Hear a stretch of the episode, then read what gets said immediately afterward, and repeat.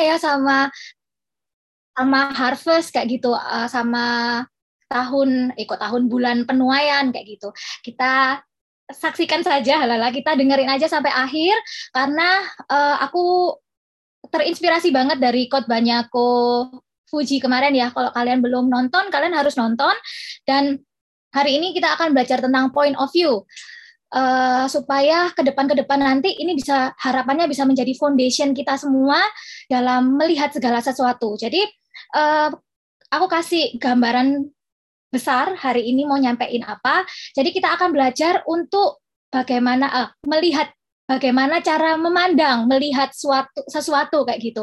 Nah, kalau kita bicara point of view, orang-orang uh, selalu mikirnya, oh bagaimana cara kita tuh melihat sebuah masalah, bagaimana cara kita melihat sebuah tantangan, tapi nggak melulu hal-hal yang buruk, teman-teman. Tapi uh, kita juga bisa pakai hal ini tuh untuk melihat, mana tahu itu melihat pandangan kita terhadap janji Tuhan, pandangan kita terhadap berkat kayak gitu. Nah, hari ini kita akan belajar dari salah satu bangsa, bukan salah satu, kayaknya satu-satunya bangsa yang Tuhan itu klaim sebagai harta apa ya, biji matanya kayak gitu, harta apa? bangsa kesayangan Tuhan yaitu bangsa Israel. Langsung aja kita baca di 1 Korintus di 1 Korintus 10 ayat 10 sampai 11. Aku bacain ya. Dan janganlah bersungut-sungut seperti yang dilakukan oleh beberapa orang dari mereka, sehingga mereka dibinasakan oleh malaikat maut. Ngeri ya, dibinasakan oleh malaikat maut. Semuanya ini telah menimpa mereka sebagai contoh dan dituliskan untuk menjadi peringatan bagi kita yang hidup pada waktu di mana zaman akhir telah tiba. Teman-teman kalau buka di Alkitab 1 Korintus 10 itu perikopnya tentang Israel sebagai suatu peringatan. Waktu dulu zaman sekolah ada pelajaran sejarah. Aku sempat tanya sama gurunya, apa pentingnya sih belajar sejarah? Sejarah tuh nggak penting, karena itu kan sudah kelewatan, cerita sudah lalu, sudah basi. Katanya yang lalu biarlah berlalu. Apa hubungannya sama sekarang? Emang masih relevan? Tapi guruku itu waktu itu ngomong dan sampai sekarang aku lumayan suka sih sama cerita sejarah karena dia ngomong kayak gini oh ya memang ceritanya sudah berlalu, tapi kita perlu tahu, kita perlu belajar supaya apa? Supaya kita nggak mengulangi kesalahan-kesalahan yang sama seperti yang dilakukan oleh mereka. Karena itu hari ini kita akan belajar kesalahan-kesalahan atau hal-hal apa sih yang dilakukan bangsa Israel sampai Tuhan tuh eh sampai ada satu kitab itu yang menulis Israel sebagai suatu peringatan dan di sini ditulis sebagai contoh dan sengaja dituliskan untuk menjadi peringatan bagi kita yang hidup pada waktu di mana zaman akhir telah tiba. Teman-teman, kita sekarang tinggal di zaman akhir, sudah memasuki zaman-zaman akhir. Nah, jadi aku kasih background story sedikit ya perjalanannya Israel. Jadi waktu itu Israel diperbudak di tanah Mesir, mereka mengalami kesusahan yang sangat amat parah, mereka berseru, mereka berteriak sama Tuhan, dan Tuhan mendengarkan teriakan mereka. Karena itu Tuhan berjanji sama mereka, oke, okay, aku akan bebaskan kalian, nggak cuman aku bebaskan, tapi aku akan membawa kalian ke tanah perjanjian, yaitu tanah kanaan, di mana tanahnya tuh berlimpah susu dan madunya, kayak gitu. Pokoknya tanahnya yang baik banget. Susu itu kan dari peternakan, madu itu dari perkebunan atau pertanian, perkebunan kayaknya ya, dari uh, oh ya susu dan madu sama-sama dari peternakan sih dari dari lebah kayak gitu. Nah, teman-teman tahu nggak sih kalau Tuhan itu sudah menjanjikan sesuatu itu bukan janji yang baik, tapi janji yang sangat amat terbaik. Karena Tuhan itu rindu kita tuh mendapat yang terbaik, bukan sekedar baik aja. Karena itu bangsa Israel itu melakukan ekspedisi, wes kayak zaman-zaman dulu ya, melakukan perjalanan. Begitu mereka keluar Mesir, sampai mereka masuk ke tanah Kanaan, itu mereka menghadapi banyak sekali tantangan, rintangan, hambatan, jalan buntu. Mereka hadapi itu semua, kayak gitu. Semakin dekat, semakin dekat, goalnya cuma satu, tanah Kanaan, tanah perjanjian Tuhan. Nah, hari ini kita akan bahas salah satu aja, yaitu uh, ketika kita mau bahas klimaksnya nih, yang sudah mau akhir, ketika mereka ini sudah mau mendekati tanah kanaan, mereka sudah mau merebut tanah kanaan, kayak gitu. Nah, sekarang uh, kita akan lihat sih, kita akan melihat bagaimana sudut pandang kita atau point of view kita itu sangat amat matters di hadapan Tuhan dan itu akan mempengaruhi banyak hal. Ya, kita sama-sama lihat Uh, kita hari ini akan belajar kisah perjalanan 12 pengintai, sudut pandang yang membawa pada kemaksimalan hidup. Kenapa aku katakan kemaksimalan hidup?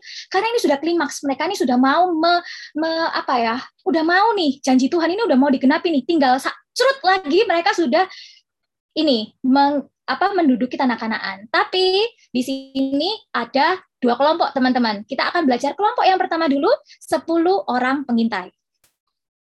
Ayatnya ya ada di bilangan 13 ayat 26 sampai selanjutnya. Minta tolong bilangan 13 ayat 26 sampai 27 untuk uh, kok Ivan PS dong? Boleh tolong bantu aku baca. Bilangan 13 ayat 26 dan 27 bilangan 13 ayat 26 dan 27 dan langsung datang kepada Musa, Harun dan segenap umat Israel di Kades, di padang gurun Paran. Mereka membawa pulang kabar kepada keduanya dan kepada segenap umat itu dan memperlihatkan kepada sekaliannya hasil negeri itu. Mereka menceritakan kepadanya, kami sudah masuk ke negeri, ke mana kau suruh kami? Dan memang negeri itu berlimpah-limpah susu dan madunya, dan inilah hasilnya. Oke, aku kasih sedikit background story. Jadi waktu itu sebelum menduduki, ta, apa sebelum kan mereka nggak tahu tuh, mereka kan outsider, mereka nggak tahu apa benar ya tanah Kanaan itu seperti yang selalu diomongkan, woi tanahnya kayak begini keren apa segala macam, mereka nggak tahu. Makanya uh, Musa itu suruh, oke, okay, kalian survei dulu, kalian lihat deh sana, benar nggak sih uh, keadaannya seperti itu, benar nggak? Kalian coba ya observasi ya, kalau nggak salah di Alkitab tuh mereka lakukan observasi selama 40 hari. Jadi mereka lihat, mereka memantau kayak gitu. Nah ceritanya ini aku langsung singkat aja supaya nggak lama-lama. Mereka itu pulang setelah 12 orang pengintai ini, 10 orang pengintai dan dua orang pengintai ini pulang dan mereka itu mau memberikan kabar. Jadi mereka mau cerita. Nah, kita dengar apa nih ceritanya. Sekarang kita lihat di ayat yang selanjutnya minta tolong Astrid bacain. Bilangan 13 ayat 28 dan 29. Bilangan 13 ayat 28. Hanya bangsa yang diam di negeri itu kuat-kuat dan kota-kotanya berkubu dan sangat besar. Juga keturunan enak telah kami lihat di sana. Orang Amalek diam di tanah Negeb. Orang Het, orang Yebus, dan orang Amori diam di pegunungan. Orang Kanaan diam sepanjang laut dan sepanjang tepi sungai Yordan. Oke, yang 30 sampai 31 minta tolong Ken bacain dong. Bilangan 13 ayat 30. Kemudian Kaleb mencoba menentramkan hati bangsa itu di hadapan Musa katanya. Tidak, kita akan maju dan menduduki negeri itu sebab kita pasti akan mengalahkannya. Tetapi orang-orang yang pergi ke sana bersama-sama dengan dia berkata, kita tidak dapat maju menyerang bangsa itu karena mereka lebih kuat daripada kita. Oke, ayat 32 sampai 33 aku bacain. Juga mereka menyampaikan kepada orang Israel kabar busuk tentang negeri yang diintai mereka dengan berkata, negeri yang telah kami lalui untuk diintai adalah suatu negeri yang memakan penduduknya dan semua orang-orang yang kami lihat di sana adalah orang-orang yang tinggi-tinggi perawakannya. Juga kami lihat di sana orang-orang raksasa, orang enak yang berasal dari orang-orang raksasa dan kami lihat diri kami seperti belalang dan demikian juga terhadap kami. Ya, oke. Terima kasih teman-teman yang sudah bantu aku bacain. Teman-teman, menurut kalian, ketika aku mulai merenungkan kata-kata ini, kita tahu ya endingnya. Uh, iki agak agak gimana ya? Tak kasih spoiler. Pada akhirnya 10 orang pengintai ini nggak jadi masuk, kayak gitu. Uh, mereka nggak berkenan di hadapan Tuhan. Ketika aku renungkan uh, cerita ini, aku sempat tanya sama Tuhan, Tuhan, kok cek jahat ya? Kan mereka tuh nggak bohong loh selama 40 hari mereka lihat ya mereka menceritakan apa yang mereka lihat kayak gitu. Iya, di sana itu kayak begini, kayak begini, kayak begini, kayak begini. Nah, contoh misal aku mengamat aku pergi ke Jakarta selama satu bulan. Aku kan melihat, aku melihat banyak hal di sana. Terus Kasu tanya, eh ya apa Jakarta? Ya aku cerita dong, Jakarta itu rame, macet, jalannya, banjir, kalau hujan, dan lain-lain sebagainya. Aku nggak bohong. Aku tell the truth. Aku mengatakan hal yang sebenarnya. Tapi teman-teman, bisa kelihatan nggak dari sini? Apa yang membuat Tuhan itu akhirnya menghukum mereka? Bukan bukan karena Tuhan kasih aku pengertian ya, bukan karena bukan masalah bohong dan nggak bohong. Tapi satu hal itu yang mendudak, mendukakan hati Tuhan. Kalian lihat di ayat yang tadi dibacakan sama Ken, itu jelas-jelas Musa ngomong kayak gini, tidak kita akan mendudukinya. Karena apa? Karena itu adalah janjinya Tuhan. Tuhan sudah berjanji, Tuhan kasih tanah kanaan itu buat kita. Masalahnya kayak begini. Kenapa bangsa Israel tuh sampai mendapat predikat sebagai bangsa yang tegar tengkuk? Karena apa? Kalau nggak salah di Alkitab, nanti kita baca di belakang, itu ditulis 10 kali dalam perjalanan. Mereka tuh melihat miracle, mereka melihat pekerjaan Tuhan.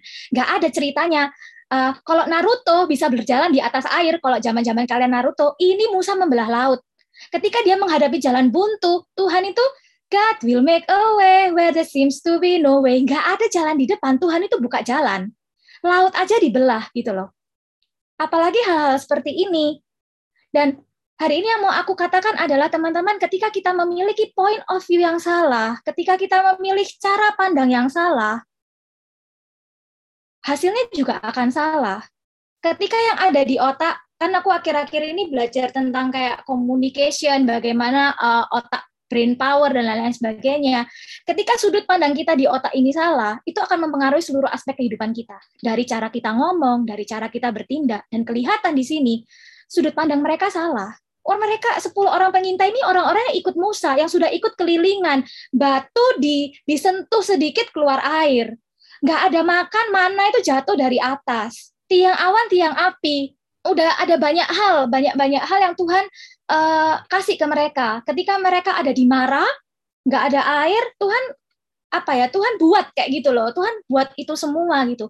Tapi kenapa kok lagi-lagi? Ini klimaks loh. Ini udah mau klimaks. Sudah mau tinggal sedikit aja itu sudah sudah apa ya sudah mereka tuh sudah duduki. Tapi cara pandang mereka sudut pandang mereka salah. Ternyata mereka punya point of view yang salah tentang Tuhan harusnya mereka kenal siapa Tuhan. Mereka kenal Tuhan yang mereka yang Tuhan yang selama ini mereka lihat mereka kenal. Itu mereka ternyata tidak kenal. Itu semua cuma tinggal lalu. Bahkan sampai Musa tuh ngomong enggak. Terus mereka bahkan ngomong apa? Teman-teman hati-hati. Ketika point of view-mu, ketika cara pandangmu salah, ketika kamu salah pakai kacamata, kata-katamu tuh bisa mendukakan hati Tuhan. Kata-kata itu bisa menyakiti hati Tuhan. Dan nanti di belakang kita akan lihat betapa kata-kata yang keluar dari mulut kita itu bisa membawa kutuk, bahkan bisa menggagalkan setiap janji Tuhan dalam hidup kita. Bayangkan, sakit hati nggak Tuhan udah ciptakan manusia susah-susah, mereka ngomong kayak gini, kita ini seperti belalang, di ayat yang ke-33. Ya. Jadi ayo sama-sama kita belajar uh, nanti kita akan belajar ya dari Kaleb dan Yosua gimana sih cara mereka bisa menang gitu. Uh, gimana cara mereka bisa berhasil. Jadi sampai sini kita harus benar-benar paham bahwa uh, kita apa ya kita koreksi lah kita koreksi diri. Apakah selama ini kita memiliki cara pandang yang benar tentang Tuhan? Apakah selama ini jangan-jangan kita adalah wah pandemi ini susah nggak akan berakhir. Habis keluar uh, apa uh, varian A varian B varian C varian D kapan nih selesai? Ngeluhkan keluar dari mulutnya. Padahal tadi di ayatnya waktu awal inget nggak bersungut-sungut ngomel gerundel Tuhan bilang hati-hati itu salah satu peringatan yang Tuhan kasih hati-hati Oke, sekarang kita lanjut ke ayat yang uh, selanjutnya. Nah, sekarang kita lihat kelompok yang kedua, Yosua dan Kaleb. Ya, mereka sama-sama melihat sesuatu yang sama, mereka dihadapkan pada kondisi yang sama, mereka uh, mengamati dan menjalani hal yang sama, tapi kenapa kok responnya beda? Sekarang kita lihat di bilangan 4 11 ayat 6 sampai 7 aku minta tolong siapa yang bacain ya. Minta tolong Ani boleh deh Ani. Aniela. Uh, bilangan 11 ayat 6 sampai 7. Tetapi Yosua bin Nun dan Kaleb bin Yefune yang termasuk orang-orang yang telah mengintai negeri itu mengoyak dan berkata genap umat negeri yang kami lalui itu adalah luar baiknya. Oke. Yosua dan Kaleb itu sampai mengoyakkan pakaiannya. Dia ngomong, karena gini, teman-teman kalau kalian baca ya, itu sampai bangsa Israel itu sampai kayak uh, bayangin satu satu bangsa, anggap aja Indonesia gitu ya terus uh, ada dibagi pengintai, terus habis itu misal nih ada 10 orang dari anggota CGC 150, eh jangan lagi, ada 10 orang dari tempat lain gitu. Terus ngomong dan mereka tuh marah. Akhirnya mereka tuh mempertanyakan benar gak sih Tuhan ini kayak begini begini? Rusuh. Itu terjadi rusuh ya. Terjadi kerusuhan di sana. Mereka ngomel semua. Bayangin karena berita satu eh, karena berita 10 orang itu bisa membuat satu bangsa itu ngomel dan mempertanyakan Tuhan ini beneran tak? Ini kok cek jahat ya? Kok kita tuh dibawa ke tempat yang buat apa kita di sini? Kita masuk ke negeri perjanjian tapi dimakan raksasa kayak gitu. Tapi Yosua sama Kaleb enggak. Dia sampai mengoyakkan pakaiannya. Dia bilang negeri yang kami lalui dan untuk diintai itu luar biasa loh baiknya. Next minta tolong uh, Cek Ayu bacain. Bilangan 14 ayat 8 sampai 9 Bilangan 14 ayat 8 sampai 9. Jika Tuhan berkenan kepada kita, oh, iya. maka ia akan membawa kita masuk ke negeri itu dan akan memberikannya kepada kita. Suatu negeri yang berlimpah-limpah susu dan madunya.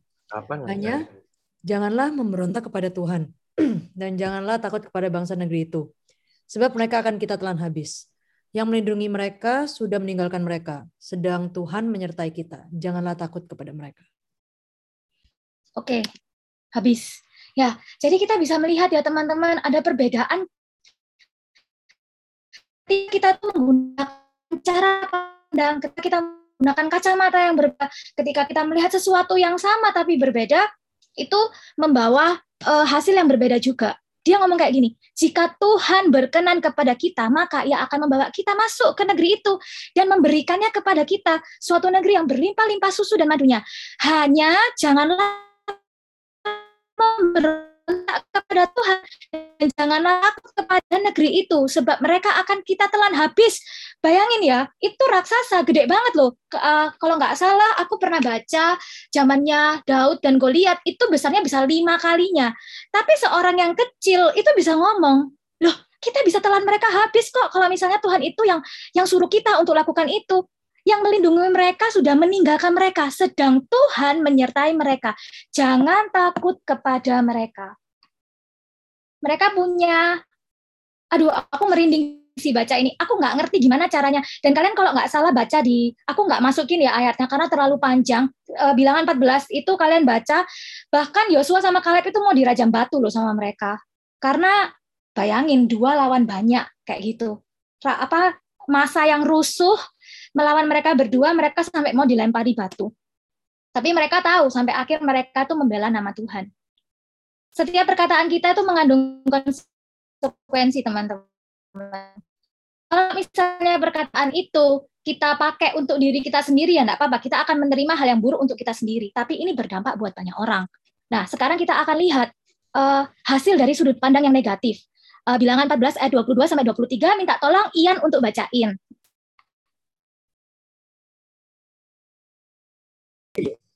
Bilangan 14 ayat 22 ya. Iya, sama 23. Ayat 20, ya, bilangan 14 ayat 22. Semua orang yang telah melihat kemuliaanku dan tanda-tanda mujizat yang kuperbuat di Mesir dan di padang gurun, namun telah 10 kali mencobai aku dan tidak mau mendengarkan suaraku. Bilangan pastilah tidak akan melihat negeri yang kujanjikan dengan bersumpah kepada nenek moyang mereka. Semua yang menista aku ini tidak akan melihatnya. Oke. Okay. Uh, eh, hal yang mau aku highlight di sini adalah kalau bangsa Israel nggak dijanjiin apa-apa, mereka cuman ya kelihatannya bagus ini. Oke, kita semua pergi ya ke tanah Kanaan ya. Terus mereka di tengah jalan mau cerewet, mereka mau bersungut-sungut, mereka mau meragukan, it's okay nggak masalah. Tapi masalahnya ini janji Tuhan loh. Nah, teman-teman, aku percaya setiap kita tuh punya uh, setiap kita tuh pasti uh, dapat janji dari Tuhan. Karena aku tahu ketika kita baca Alkitab setiap hari, ketika kita bangun hubungan dengan Tuhan, Tuhan itu akan memberikan banyak janji ke dalam hidup kita, ya. Permasalahannya sekarang mungkin janji yang Tuhan berikan itu kelihatannya good to be true. Contoh, ketika Abraham dan Sarah waktu itu sudah tua, mereka mandul, uh, sorry, uh, Sarahnya ya pokoknya salah satu dari mereka atau dua orang pokoknya mandul nggak punya punya nggak punya anak sampai mereka sudah menopause Tuhan itu ngomong nanti ya keturunanmu itu akan menjadi uh, bangsa yang besar seperti bintang di langit. Tuhan itu ya kalau janjiin ke kita tuh nggak pernah nggak pernah hal-hal yang biasa-biasa. Oh keturunanmu akan menjadi banyak nggak cukup banyak sampai bintang di langit. kelihatannya bagi Aga- Abraham itu kayak tugu to be true, nggak mungkin, itu nggak mungkin terjadi. Itu loh, itu karakteristiknya Tuhan kalau kasih janji ke kita. Permasalahannya gimana cara kita tuh melihat sudut pandang yang Tuhan yang Tuhan taruh kayak itu. Eh, bagaimana cara kita melihat sudut pandang akan janji-janji Tuhan? Nggak cuma janji. Kalau misalnya bulan ini kita masuk ke bulan penuaian, gimana sudut uh, gimana respon kita gitu loh? Bagaimana cara kita melihat? Kemarin tadi quotesnya yang kasut bilang itu bagus. Kemarin aku juga tersentak dari perkataannya Pastor Puji. Mungkin sekarang kalian berada di padang gurun. Kerjaan kacau semuanya sepi corona yang nggak selesai-selesai. Bahkan banyak orang-orang yang kita kenal seolah-olah Tuhan ambil gitu loh. Kayak semuanya meninggalkan kita kayaknya kita tuh muter di padang gurun. Tapi tahu nggak di kondisi saat ini ketika kita punya cara pandang yang benar, ini itu seperti tanah yang subur. Untuk kita itu menanam benih. Ada kemarin ada empat macam benih, makanya kalian harus dengarkan itu kemarin. Ya. Uh, dan Tuhan ngomong, kalau misalnya kamu meragukan, ini loh, 10 kali mencobai aku dan tidak mau mendengarkan suaraku. Teman-teman, coba di sini kita sama-sama refleksi diri. Ikut Tuhan sudah berapa lama? Ikut Tuhan sudah berapa tahun? Aku sendiri ikut Tuhan sudah 27 tahun karena aku dari kecil sudah diperkenalkan sama Tuhan. Dan ini aku juga jadi warning buat aku, berapa banyak ya aku meragukan Tuhan, berapa banyak aku mencobai Tuhan, berapa banyak aku nggak mau mendengarkan suara Tuhan. Berapa banyak aku malah bersungut-sungut dan mencurigai Tuhan. Bojo, tok, katanya janji gini, mana nggak ada janjinya. Perhatikan kata-kata yang tadi dibaca Ian. Semua orang yang menista aku ini tidak akan melihatnya. Kita sama 37 minta tolong Michelle Setiono untuk bantu aku bacakan. Ya, bilangan 14 36 37 apa adapun orang-orang yang telah dius di Suruh Musa untuk mengintai negeri itu yang sudah pulang dan menyebabkan segenap umat itu bersungut-sungut pada Musa dengan menyampaikan kabar busuk tentang negeri itu, orang-orang itu mati, kena tulah di hadapan Tuhan. Cuman ngomong sesimpel itu toh, iya mereka tuh gede loh, kita tuh kayak belalang loh, apa apa apa apa, dihukum loh sama Tuhan, nggak main-main Tuhan, nggak main-main. Kalau teman-teman baca di zaman itu uh, kalau nggak salah time frame-nya dari 10 pengintai menuju tanah Kanaan itu pas 40 tahun. Jadi semua orang, 10 orang pengintai, tidak cuma 10 orang pengintai, semua angkatan itu dihancurkan sama Tuhan. Mati kena tulah di hadapan Tuhan dan di angkatan itu cuma Yosua dan Kaleb aja yang diizinkan masuk ke tanah perjanjian. Betapa dahsyatnya perkataan yang keluar dari mulut kita. Bahkan uh, ada ayat di Alkitab iman itu timbul dari pendengaran. Jadi makanya kan kita suka mem, apa disuruh memperkatakan firman Tuhan sampai telinga kita dengarkan karena perkataan kita tuh berkuasa. Jadi hati-hati sama mulut ya. Habis ini ini juga note for myself. Sekarang kita akan lihat hasil dari sudut pandang yang positif. Nah, kita akan bedah satu-satu siapa sih Kaleb dan Yosua ini. Sekarang aku minta tolong siapa ya yang belum kebagian baca. Minta tolong Andro deh bacain, minta tolong bacain partnya Caleb dan Yosua. Caleb dan Yosua ya. Oke. Okay. Tetapi hambaku Caleb, karena lain jiwa yang ada padanya, dan ia mengikut aku dengan sepenuhnya, akan kubawa masuk ke negeri yang telah dimasukinya itu, dan keturunannya akan memilikinya. Yosua. Dan Tuhan berbicara kepada Musa dengan berhadapan muka seperti seorang berbicara kepada temannya.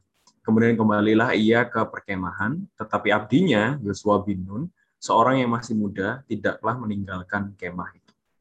Oke, jadi kita belajar yang pertama dari Kaleb, teman-teman, gimana sih caranya supaya kita tuh punya sudut pandang yang benar, karena sudut pandang yang salah itu gak akan membawa kita kepada kemaksimalan hidup. Dari segi apa pun, dalam segala aspek dalam kehidupan kita ya. Kaleb, karena lain jiwa yang ada padanya, ia mengikut aku dengan sepenuhnya. Waktu aku buka versi The Message, itu ditulis he follows passionately. Jadi kita tahu dalam dalam uh, hidup kita ini ada tiga, tiga dimensi, tubuh, jiwa, dan roh. Di situ ditulis dia mengikut sepenuhnya. Artinya apa? Dia membiarkan tubuh, jiwa, dan rohnya itu dikuasai oleh firman Tuhan. Sehingga nggak ada satupun keraguan dalam hidupnya. Seperti tadi lagunya Grace, meski langit tampak suram, awan gelap pun menghadang. Hadapi badai, lewati gelombang, itu sudah kayak adu ngeri Pol. Kalau di kapal menghadapi badai, ngeri kan? Aduh bakal mati nih, kayak gini bakal mati nih. Halnya sama ketika aku kemarin kena COVID, itu udah parah. Kayak gejalaku lumayan parah, aku sampai mikir kayak gini, aduh masa rek nek ngene tok, kayak gitu. Ah, masa cuman kayak begini tok rek. Aduh gitu. Dan di situ aku merasa kayak, iya ya, aku nih kecil sekali gitu loh di hadapan Tuhan. Yang ditiup atau yang dijentiin kayak ininya Thanos sudah nggak ada. Kalau Tuhan berkehendak sudah nggak ada gitu. Tapi Kaleb ini mengikut Tuhan dengan segenap hatinya sehingga tidak ada keraguan. Contohnya, ketika kita isi botol, uh, ini aku ada botol ya. Ketika aku bisa isi botol ini, kita tuh harus isi botol ini tuh penuh, bahkan mungkin sampai meluber-meluber. Air itu anggap aja kayak firman Tuhan. Kalau kita cuma isi airnya 50%, 50 persennya itu kan kosong, nggak ada airnya. Nah, jadi jangan biarkan botol kita ini di lebih banyak persenannya untuk kegalauan, untuk apa ya, kekhawatiran, ketidakpercayaan, keraguan-raguan, nggak punya iman. Karena apa? Karena kalau hal-hal kayak gitu terjadi, ya kita nggak bisa percaya sepenuhnya sama Tuhan. Dan kalau kita nggak bisa percaya, sudut pandangnya salah, sudah berantakan semuanya pasti. Ya, jadi kita harus seperti Kaleb dia percaya sepenuhnya sama Tuhan, do it everything wholeheartedly. Sekalipun di depannya mustahil nggak masuk akal, dia tetap memilih untuk percaya sama Tuhan. Yang kedua, Yosua. Nah, kalau teman-teman baca di Keluaran 33, Yosua ini punya kebiasaan yang unik. Jadi Yosua ini kayak companionnya Musa. Jadi ada satu kemah, tent of meeting, tem, kemah pertemuan di situ adalah kemah tempat Musa bersekutu bersama Tuhan. Tempat Musa itu uh, berkomunikasi sama Tuhan. Nah, si Yosua ini dia itu nunggu dari luar karena nggak semua orang boleh masuk ke kemah ini. Dia, dia nunggu dari luar terus dia tuh nguping. Eh, kira-kira Tuhan tuh ngomong apa ya sama Musa? Nah, uh, si Yosua ini suka suka dengerin dia deket-deket di sana. Ketika Tuhan berbicara sama Musa, dia uh, dia mendengarkan dan ketika Musa kembali ke perkemahan, Yosua yang masih sangat muda ya mungkin seumuran kita ya, tidak meninggalkan kemah itu kalau dibaca seterus-terusnya itu seolah-olah Yosua tuh pengen siapa tahu rek aku juga dengar seperti yang Tuhan ngomong. Jadi dia tuh orang yang menanti-nantikan Tuhan. Dia tuh merindukan merindukan hubungan yang erat dengan Tuhan. Di sini bicara soal apa? Pengenalan akan Tuhan. Kita harus gak boleh jauhi kemah. Kita harus melakukan pengenalan akan Tuhan. Makanya ketika terjadi regenerasi, Tuhan pilih siapa? Tuhan langsung nggak nggak bingung-bingung. Tuhan pilih Yosua. Udah Yosua aja. Karena Yosua itu yang deket sama eh, yang selain deket sama Musa, dia juga orang yang menanti-nantikan Tuhan kayak gitu. Jadi ini adalah hasil dari sudut pandang yang positif dan hasil pandang sudut pandang yang negatif. Nah, sekarang kita akan masuk ke bagian akhir kenapa kok kita itu harus perhatikan setiap apa yang keluar dari mulut kita karena sudut pandang kita efek dari mulut apalagi yang suka gerundel ya kayak aku contohnya ini harus hati-hati karena suka ngomel di bilangan 14 ayat 27, berapa, berapa lama lagi umat yang jahat ini akan bersungut-sungut kepadaku. Segala sesuatu yang disungut-sungutkan orang Israel kepadaku telah ku dengar. Hati-hati, kamu ngomong apa dari mulutmu, telinganya Tuhan itu bisa dengar seluruh seluruh bumi. Tuhan tuh dengarkan.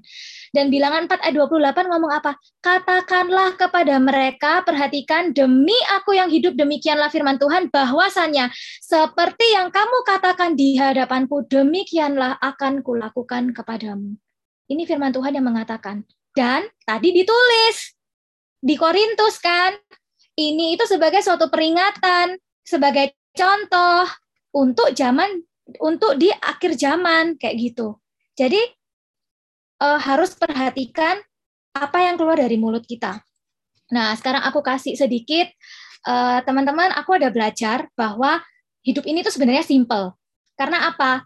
Kalau kita lihat tingkatan yang paling atas kan kehidupan.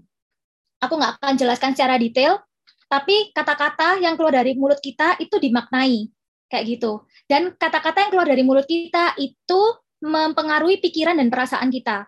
Pikiran dan perasaan kita itu mempengaruhi keputusan, keputusan itu mempengaruhi perbuatan atau tindakan, tindakan ini mempengaruhi kehidupan. Orang dunia dan para ahli aja ngerti, makanya mereka buat teori ini. Makanya mereka merumuskan, makanya harus hati-hati. Orang dunia nggak kenal Tuhan, itu selalu ngomong, ngomong yang positif, ngomong yang positif, jangan negatif. Based on Bible, semua yang benar, semua yang mulia, semua yang baik, pikirkanlah semua itu dan diperkatakan kayak gitu. Ngomong tentang firman Tuhan. Jadi ya hari ini ayo sama-sama kita jadi orang yang maksimal dalam kehidupan karena ini ceritanya itu sudah mau klimaks, sudah mau memenuhi janji Tuhan, janji Tuhan dalam hidup kita. Dan teman-teman perhatikan ketika rumusnya, ketika mengikuti Tuhan. Tadi seperti 10 pengintai ngomong gini, iya loh bagus-bagus di sana, ada susu dan madunya, memang tempatnya bagus. Tapi di sana itu subur memang, hanya, nah, tapi hanya itu nggak boleh dipakai ketika kita uh, mendapatkan janji atau perintah dari Tuhan. Itu kayak kontradiktif. Iya sih, kamu tuh cantik, tapi kurang pinter. Kan ya bencek noto, kayak gitu. Kayak hah kamu depannya muji tapi itu itu pakai kata-kata dalam bahasa Indonesia untuk sesuatu yang kontradiktif kayak gitu. Nah, jadi eh, sudah habis ya, slideku sudah sudah habis, cuman sampai di sini. Apa sih hubungannya sama sama memasuki harvest, teman-teman? Eh, kita dalam kondisi yang apa ya? Kita hidup di zaman-zaman yang mungkin segala sesuatu serba nggak pasti uh, ada banyak kesal ada banyak hal-hal buruk yang bisa aja terjadi. Tapi bagaimana sih cara pandangmu terhadap semua ini? Oh, zaman sekarang susah. Ke gereja susah. Aku itu kalau misalnya ibadah online males, nggak enak, feel-nya nggak dapet, nggak bisa ke gereja, semuanya serba online. Kok gila ya pemimpinnya bisa ngomong ini tuh tahun penuaian jiwa-jiwa. Halo, dari mana? Sudut pandangmu bisa bisa beda kayak gitu loh. Cara pandangnya bisa beda. Hah, pembelahan. CG sana sini mau bicara pembelahan, kondisi kayak gini pembelahan, hah gitu.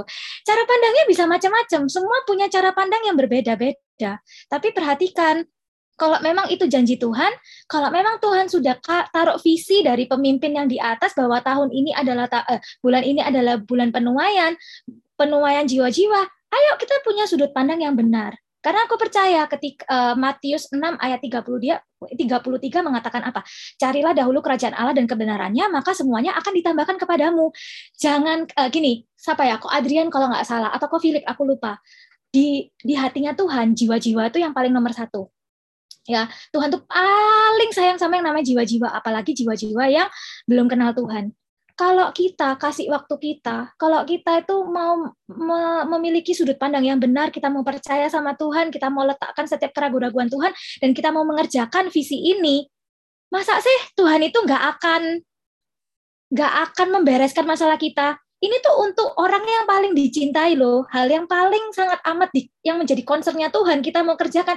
Masa sih Tuhan tuh nggak akan bereskan, Tuhan tuh nggak akan nggak akan selesaikan jadi ke depan ke depan teman-teman siapkan hati, siapkan telinga, kita akan banyak belajar tentang penuaian, harvest time, penuaian jiwa-jiwa dan aku percaya nggak cuma jiwa-jiwa yang di yang mengalami penuaian tapi dalam segala aspek kehidupan akan mengalami penuaian. Nggak tahu pekerjaanmu, kesehatanmu, relationshipmu, apa pun dalam hidupmu akan terjadi penuaian. Ya, eh, kita sama-sama mau pakai kacamata yang benar karena kalau kita pakai kacamata warna merah ya kita akan melihat segala sesuatu warnanya merah kalau kita pakai kacamata warna biru, semuanya kacamata warna biru. Kita akan melihat semua benda warna biru. Tapi hari ini kita mau pakai kacamata yang sama bahwa di masa pandemi ini bukan padang gurun, pandemi ini adalah tanah yang subur untuk kita menabur benih supaya kita ini berbuah dan kita ini menjadi orang-orang yang tahan uji. Kalau banyak orang di luar sana meninggalkan Tuhan, enggak. Tapi kita tetap stand strong, kita tetap kuat di dalam Tuhan, bahkan kita menuai apa yang uh, menuai jiwa-jiwa. Kita nggak cuma menuai tapi kita menabur kita usahakan itu semua. Kayak gitu. Dan sebelum sebelum sebelumnya sebelum aku tutup aku rindu sebentar aja untuk mendoakan teman-teman kalau mungkin uh, beberapa bulan ini mengalami hal-hal yang buruk dan kalian mulai merasakan aku pahit nih. Kok kelihatannya suram ya? Kok kelihatannya apa yang Tuhan apa yang Tuhan janjikan kepadaku tuh nggak nggak muncul. Orang yang aku sayang Tuhan ambil uh, apa terus harusnya fresh graduate cari kerja susah omset turun malah nggak karu-karuan. Seolah-olah Tuhan itu yang janji Tuhan yang ada di dalam diri kita kita mulai lupa. Aduh mana nih? Mana nih Tuhan? Tuhan ini seperti apa? Yuk sama-sama kita berdoa tadi uh, minta tolong Grace sama Kasut boleh nggak nyanyiin lagu tadi sebentar aja terus habis itu nanti aku tutup sama doa uh, aku mau doakan kalian teman-teman resapi lagu ini Tuhan tuh bilang walau sepuluh ribu rebah walau seribu rebah di sisi kanan kita Tuhan itu Allah yang menyertai. Walaupun Kaleb dan Yosua itu mau dirajam batu, mereka tetap teguh memegang iman mereka tanpa ada keraguan sedikit pun, mereka menikmati janji yang sudah Tuhan berikan. Hari ini jangan sampai janji Tuhan itu di-cancel dari hidup kita cuman karena respon kita salah, cuman karena sudut pandang kita salah di hadapan Tuhan. Kayak gitu. Jadi ayo sama-sama kita ambil komitmen sama Tuhan, kita nyanyikan lagu ini dengan sepenuh hati, kita ambil waktu, kita ingat-ingat janji Tuhan dan kita percaya lagi sama Tuhan. Kalau Tuhan itu nggak pernah berdusta, Tuhan itu selalu tepati janjinya. Amin. Ya, silakan Chris.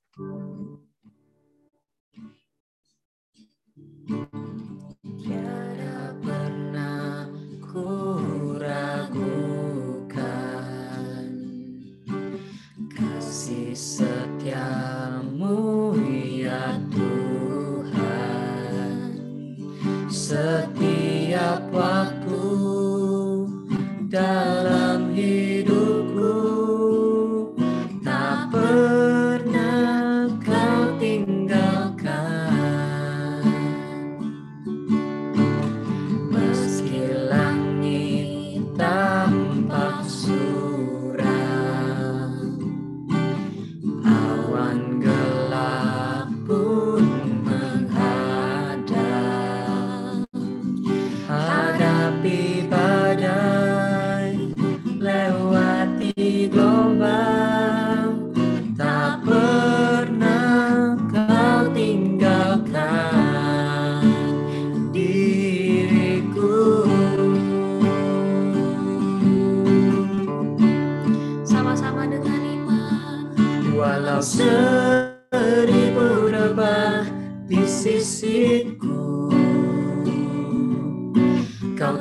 tetaplah Allah penolongku.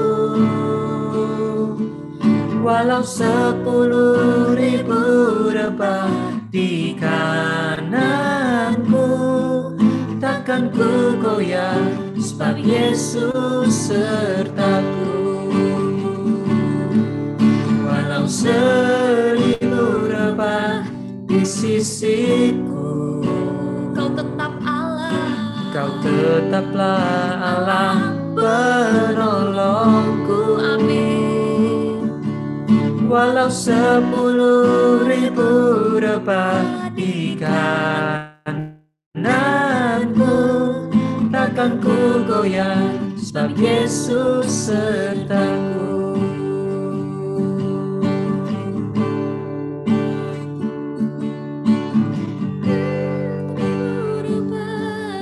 sisiku.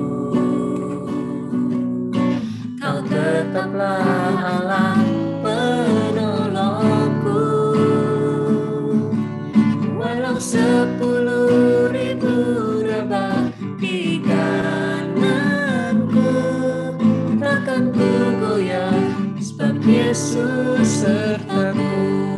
Walau sepuluh ribu walau sepuluh ribu rebah di kananku. Takkan ku goyah sebab Yesus sertaku. Terakhir kita mau katakan walau sepuluh ribu rebah di kananku takkan ku goyah sebab Yesus sertaku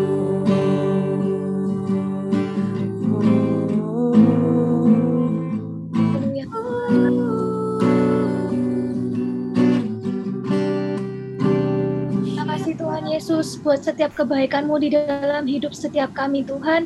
Malam hari ini Tuhan kami mau taruh setiap keraguan kami, kami mau taruh setiap kelemahan kami di hadapan-Mu Tuhan. Malam hari ini ampuni setiap kami Tuhan kalau kami mulai lupa Tuhan akan janji-Mu dalam hidup kami.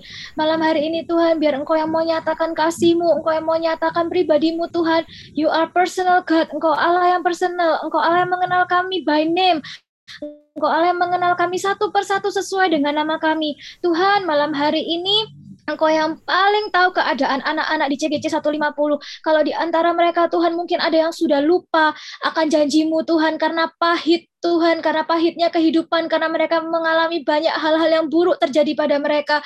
Mereka udah nggak bisa melihat apa yang ada di depan, matanya sudah kelihatan uh, kabur karena banyaknya badai kehidupan, banyaknya tantangan, jalan buntu, apa pun itu Tuhan, malam hari ini nyatakan kasih-Mu Tuhan, karena kami tahu Tuhan, Engkau Allah yang gak pernah meninggalkan setiap kami dan Engkau selalu menepati setiap janjimu di dalam hidup kami. Tuhan Yesus, malam hari ini sebelum kami masuk lebih dalam lagi Tuhan ke tahun penuaian, Engkau yang mau tolong bantu setiap kami Tuhan, supaya kami memiliki sudut pandang yang benar, supaya mulai hari ini kami nggak meragukan Engkau lagi Tuhan, kami nggak kami nggak uh, mencurigai Engkau lagi Tuhan. Kami enggak bersungut-sungut lagi dengan keadaan setiap kami Tuhan. Kami enggak mau menyalahkan keadaan. Kami memiliki pandangan yang benar Tuhan. Karena kami tahu Tuhan, setiap uh, sudut pandang yang salah itu akan mempengaruhi perkataan kami. Tuhan Yesus malam hari ini kami mau serahkan tubuh, jiwa, dan roh kami. Kami mau serahkan sudut pandang kami. Kami mau serahkan apa yang ada pada kami ke dalam tanganmu Tuhan. Karena kami mau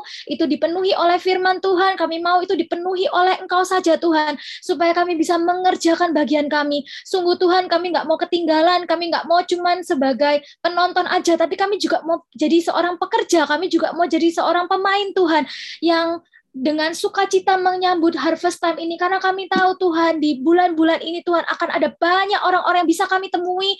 Yang mau pakai mulut setiap kami Tuhan bukan mulut yang penuh sumutan tapi mulut yang penuh ucapan syukur karena Tuhan baik. Kami mau pakai mulut kami Tuhan untuk mengajak banyak orang-orang yang terhilang karena kami tahu Tuhan ini bulan penuaian Tuhan. Karena kami tahu Tuhan di bulan ini Tuhan Engkau juga akan memulihkan keadaan kami. Karena kami tahu ketika kami bersuka cita ketika kami uh, bersyukur kepadamu Tuhan. Banyak pemulihan dan penuaian itu akan terjadi dalam hidup kami. Terima kasih Tuhan, Engkau yang tahu keadaan satu persatu orang tempat ini. Engkau Allah yang menjadi penghibur. Engkau Allah yang memenuhi mereka dengan kasih, dengan sukacita, dengan damai sejahtera. Karena kami tahu Tuhan, badai pasti berlalu. Karena kami tahu masalah itu ada expirednya Tuhan. Gak akan selama-lamanya kami tinggal dalam keadaan yang seperti ini. Tapi kami percaya Tuhan ketika kami menanti-nantikan Engkau, kami akan mendapatkan kekuatan yang yang baru. Sungguh di waktu-waktu ke depan Tuhan, khususnya di bulan ini, pakai setiap kami Tuhan. Gak ada satupun yang boleh ketinggalan dalam kegerakanmu. Kami mau dukung pemimpin kami, kami mau dukung visi gereja kami Tuhan, kami mau dukung Engkau Tuhan. Karena kami tahu ketika Engkau concern dengan jiwa-jiwa, kami mau jadi salah satu anak yang paling excited Tuhan untuk membawa satu domba itu kembali supaya surga bersuka cita. Terima kasih kami bersyukur punya Allah yang baik dan setia. Kami nggak akan takut, kami nggak akan capek, kami nggak akan lelah, kami akan menantikan Engkau sampai janji itu digenapi dalam hidup kami. Terima kasih Tuhan, di dalam namamu kami berdoa. Amin. Thank you Chris, Kasut. Amin. Thank you. Thank you. Wow. Wow. Ya, yang tadi belajar banyak, boleh kasih reaction-nya, boleh kasih reaction Wah, sungguh luar biasa firmanya. Thank you, Gap. Benar sekali yang tadi yang dikatakan bahwa di dalam hati Tuhan nomor satu itu jiwa-jiwa, ya, ya kan? Makanya Tuhan itu bela-belain mati untuk kita semua supaya setiap jiwa itu bisa selamat seperti itu ya. Jadi seperti tadi Gaby bilang, yuk kita bulan ini kita serius, pasti ada orang yang kita bisa berkati dengan sharing-sharing kita. Mungkin kadang kita nggak bisa, ngomong soal Tuhan karena tiap kali mental. Tapi kita boleh dong kasihi, mungkin kirimin makanan, kirimin bingkisan, apa pun itu rupanya. Ya kasih ya karena kita memakai kasihnya Tuhan gitu ya. Yes. Percaya di bulan harvest ini juga akan banyak pemulihan-pemulihan terjadi dalam kehidupan kita gitu ya karena Tuhan kita itu adalah Tuhan yang selalu memulihkan. Jadi kalian semua jangan menyerah. Kalian masih bernafas sekarang itu adalah bukti kebaikan Tuhan. Sebelum istilahnya uh, sampai selama nafas itu ada, berarti itu ada harapan gitu ya. Jadi jangan menyerah. Kita cara pandang yang betul, kita melihat seperti tadi GB bilang, kita sama-sama pakai kacamatanya Tuhan yuk. Kita jangan pakai kacamata warna-warna, jangan pakai kacamata siapa pun, kita pakai kacamata Tuhan supaya kita bisa melihat kebaikan Tuhan gitu ya. Kita masih ada teman yang care kita masih ada ah, keluarga kita masih ada pekerjaan itu semua adalah bukti ah, bukti pemeliharaan Tuhan iya, gitu. ya, oke kita sebentar mau breakout di breakout silahkan mau sharing mau cerita cerita boleh. Nanti kalau ada yang ah, kita perkenalan dulu mungkin ada yang baru di sini ada Thomas Isaac kita perkenalan dulu gitu ya. Aku kasih waktu 25 menit. Nanti kita kembali lagi ke sini gitu. See you guys, aku open room ya.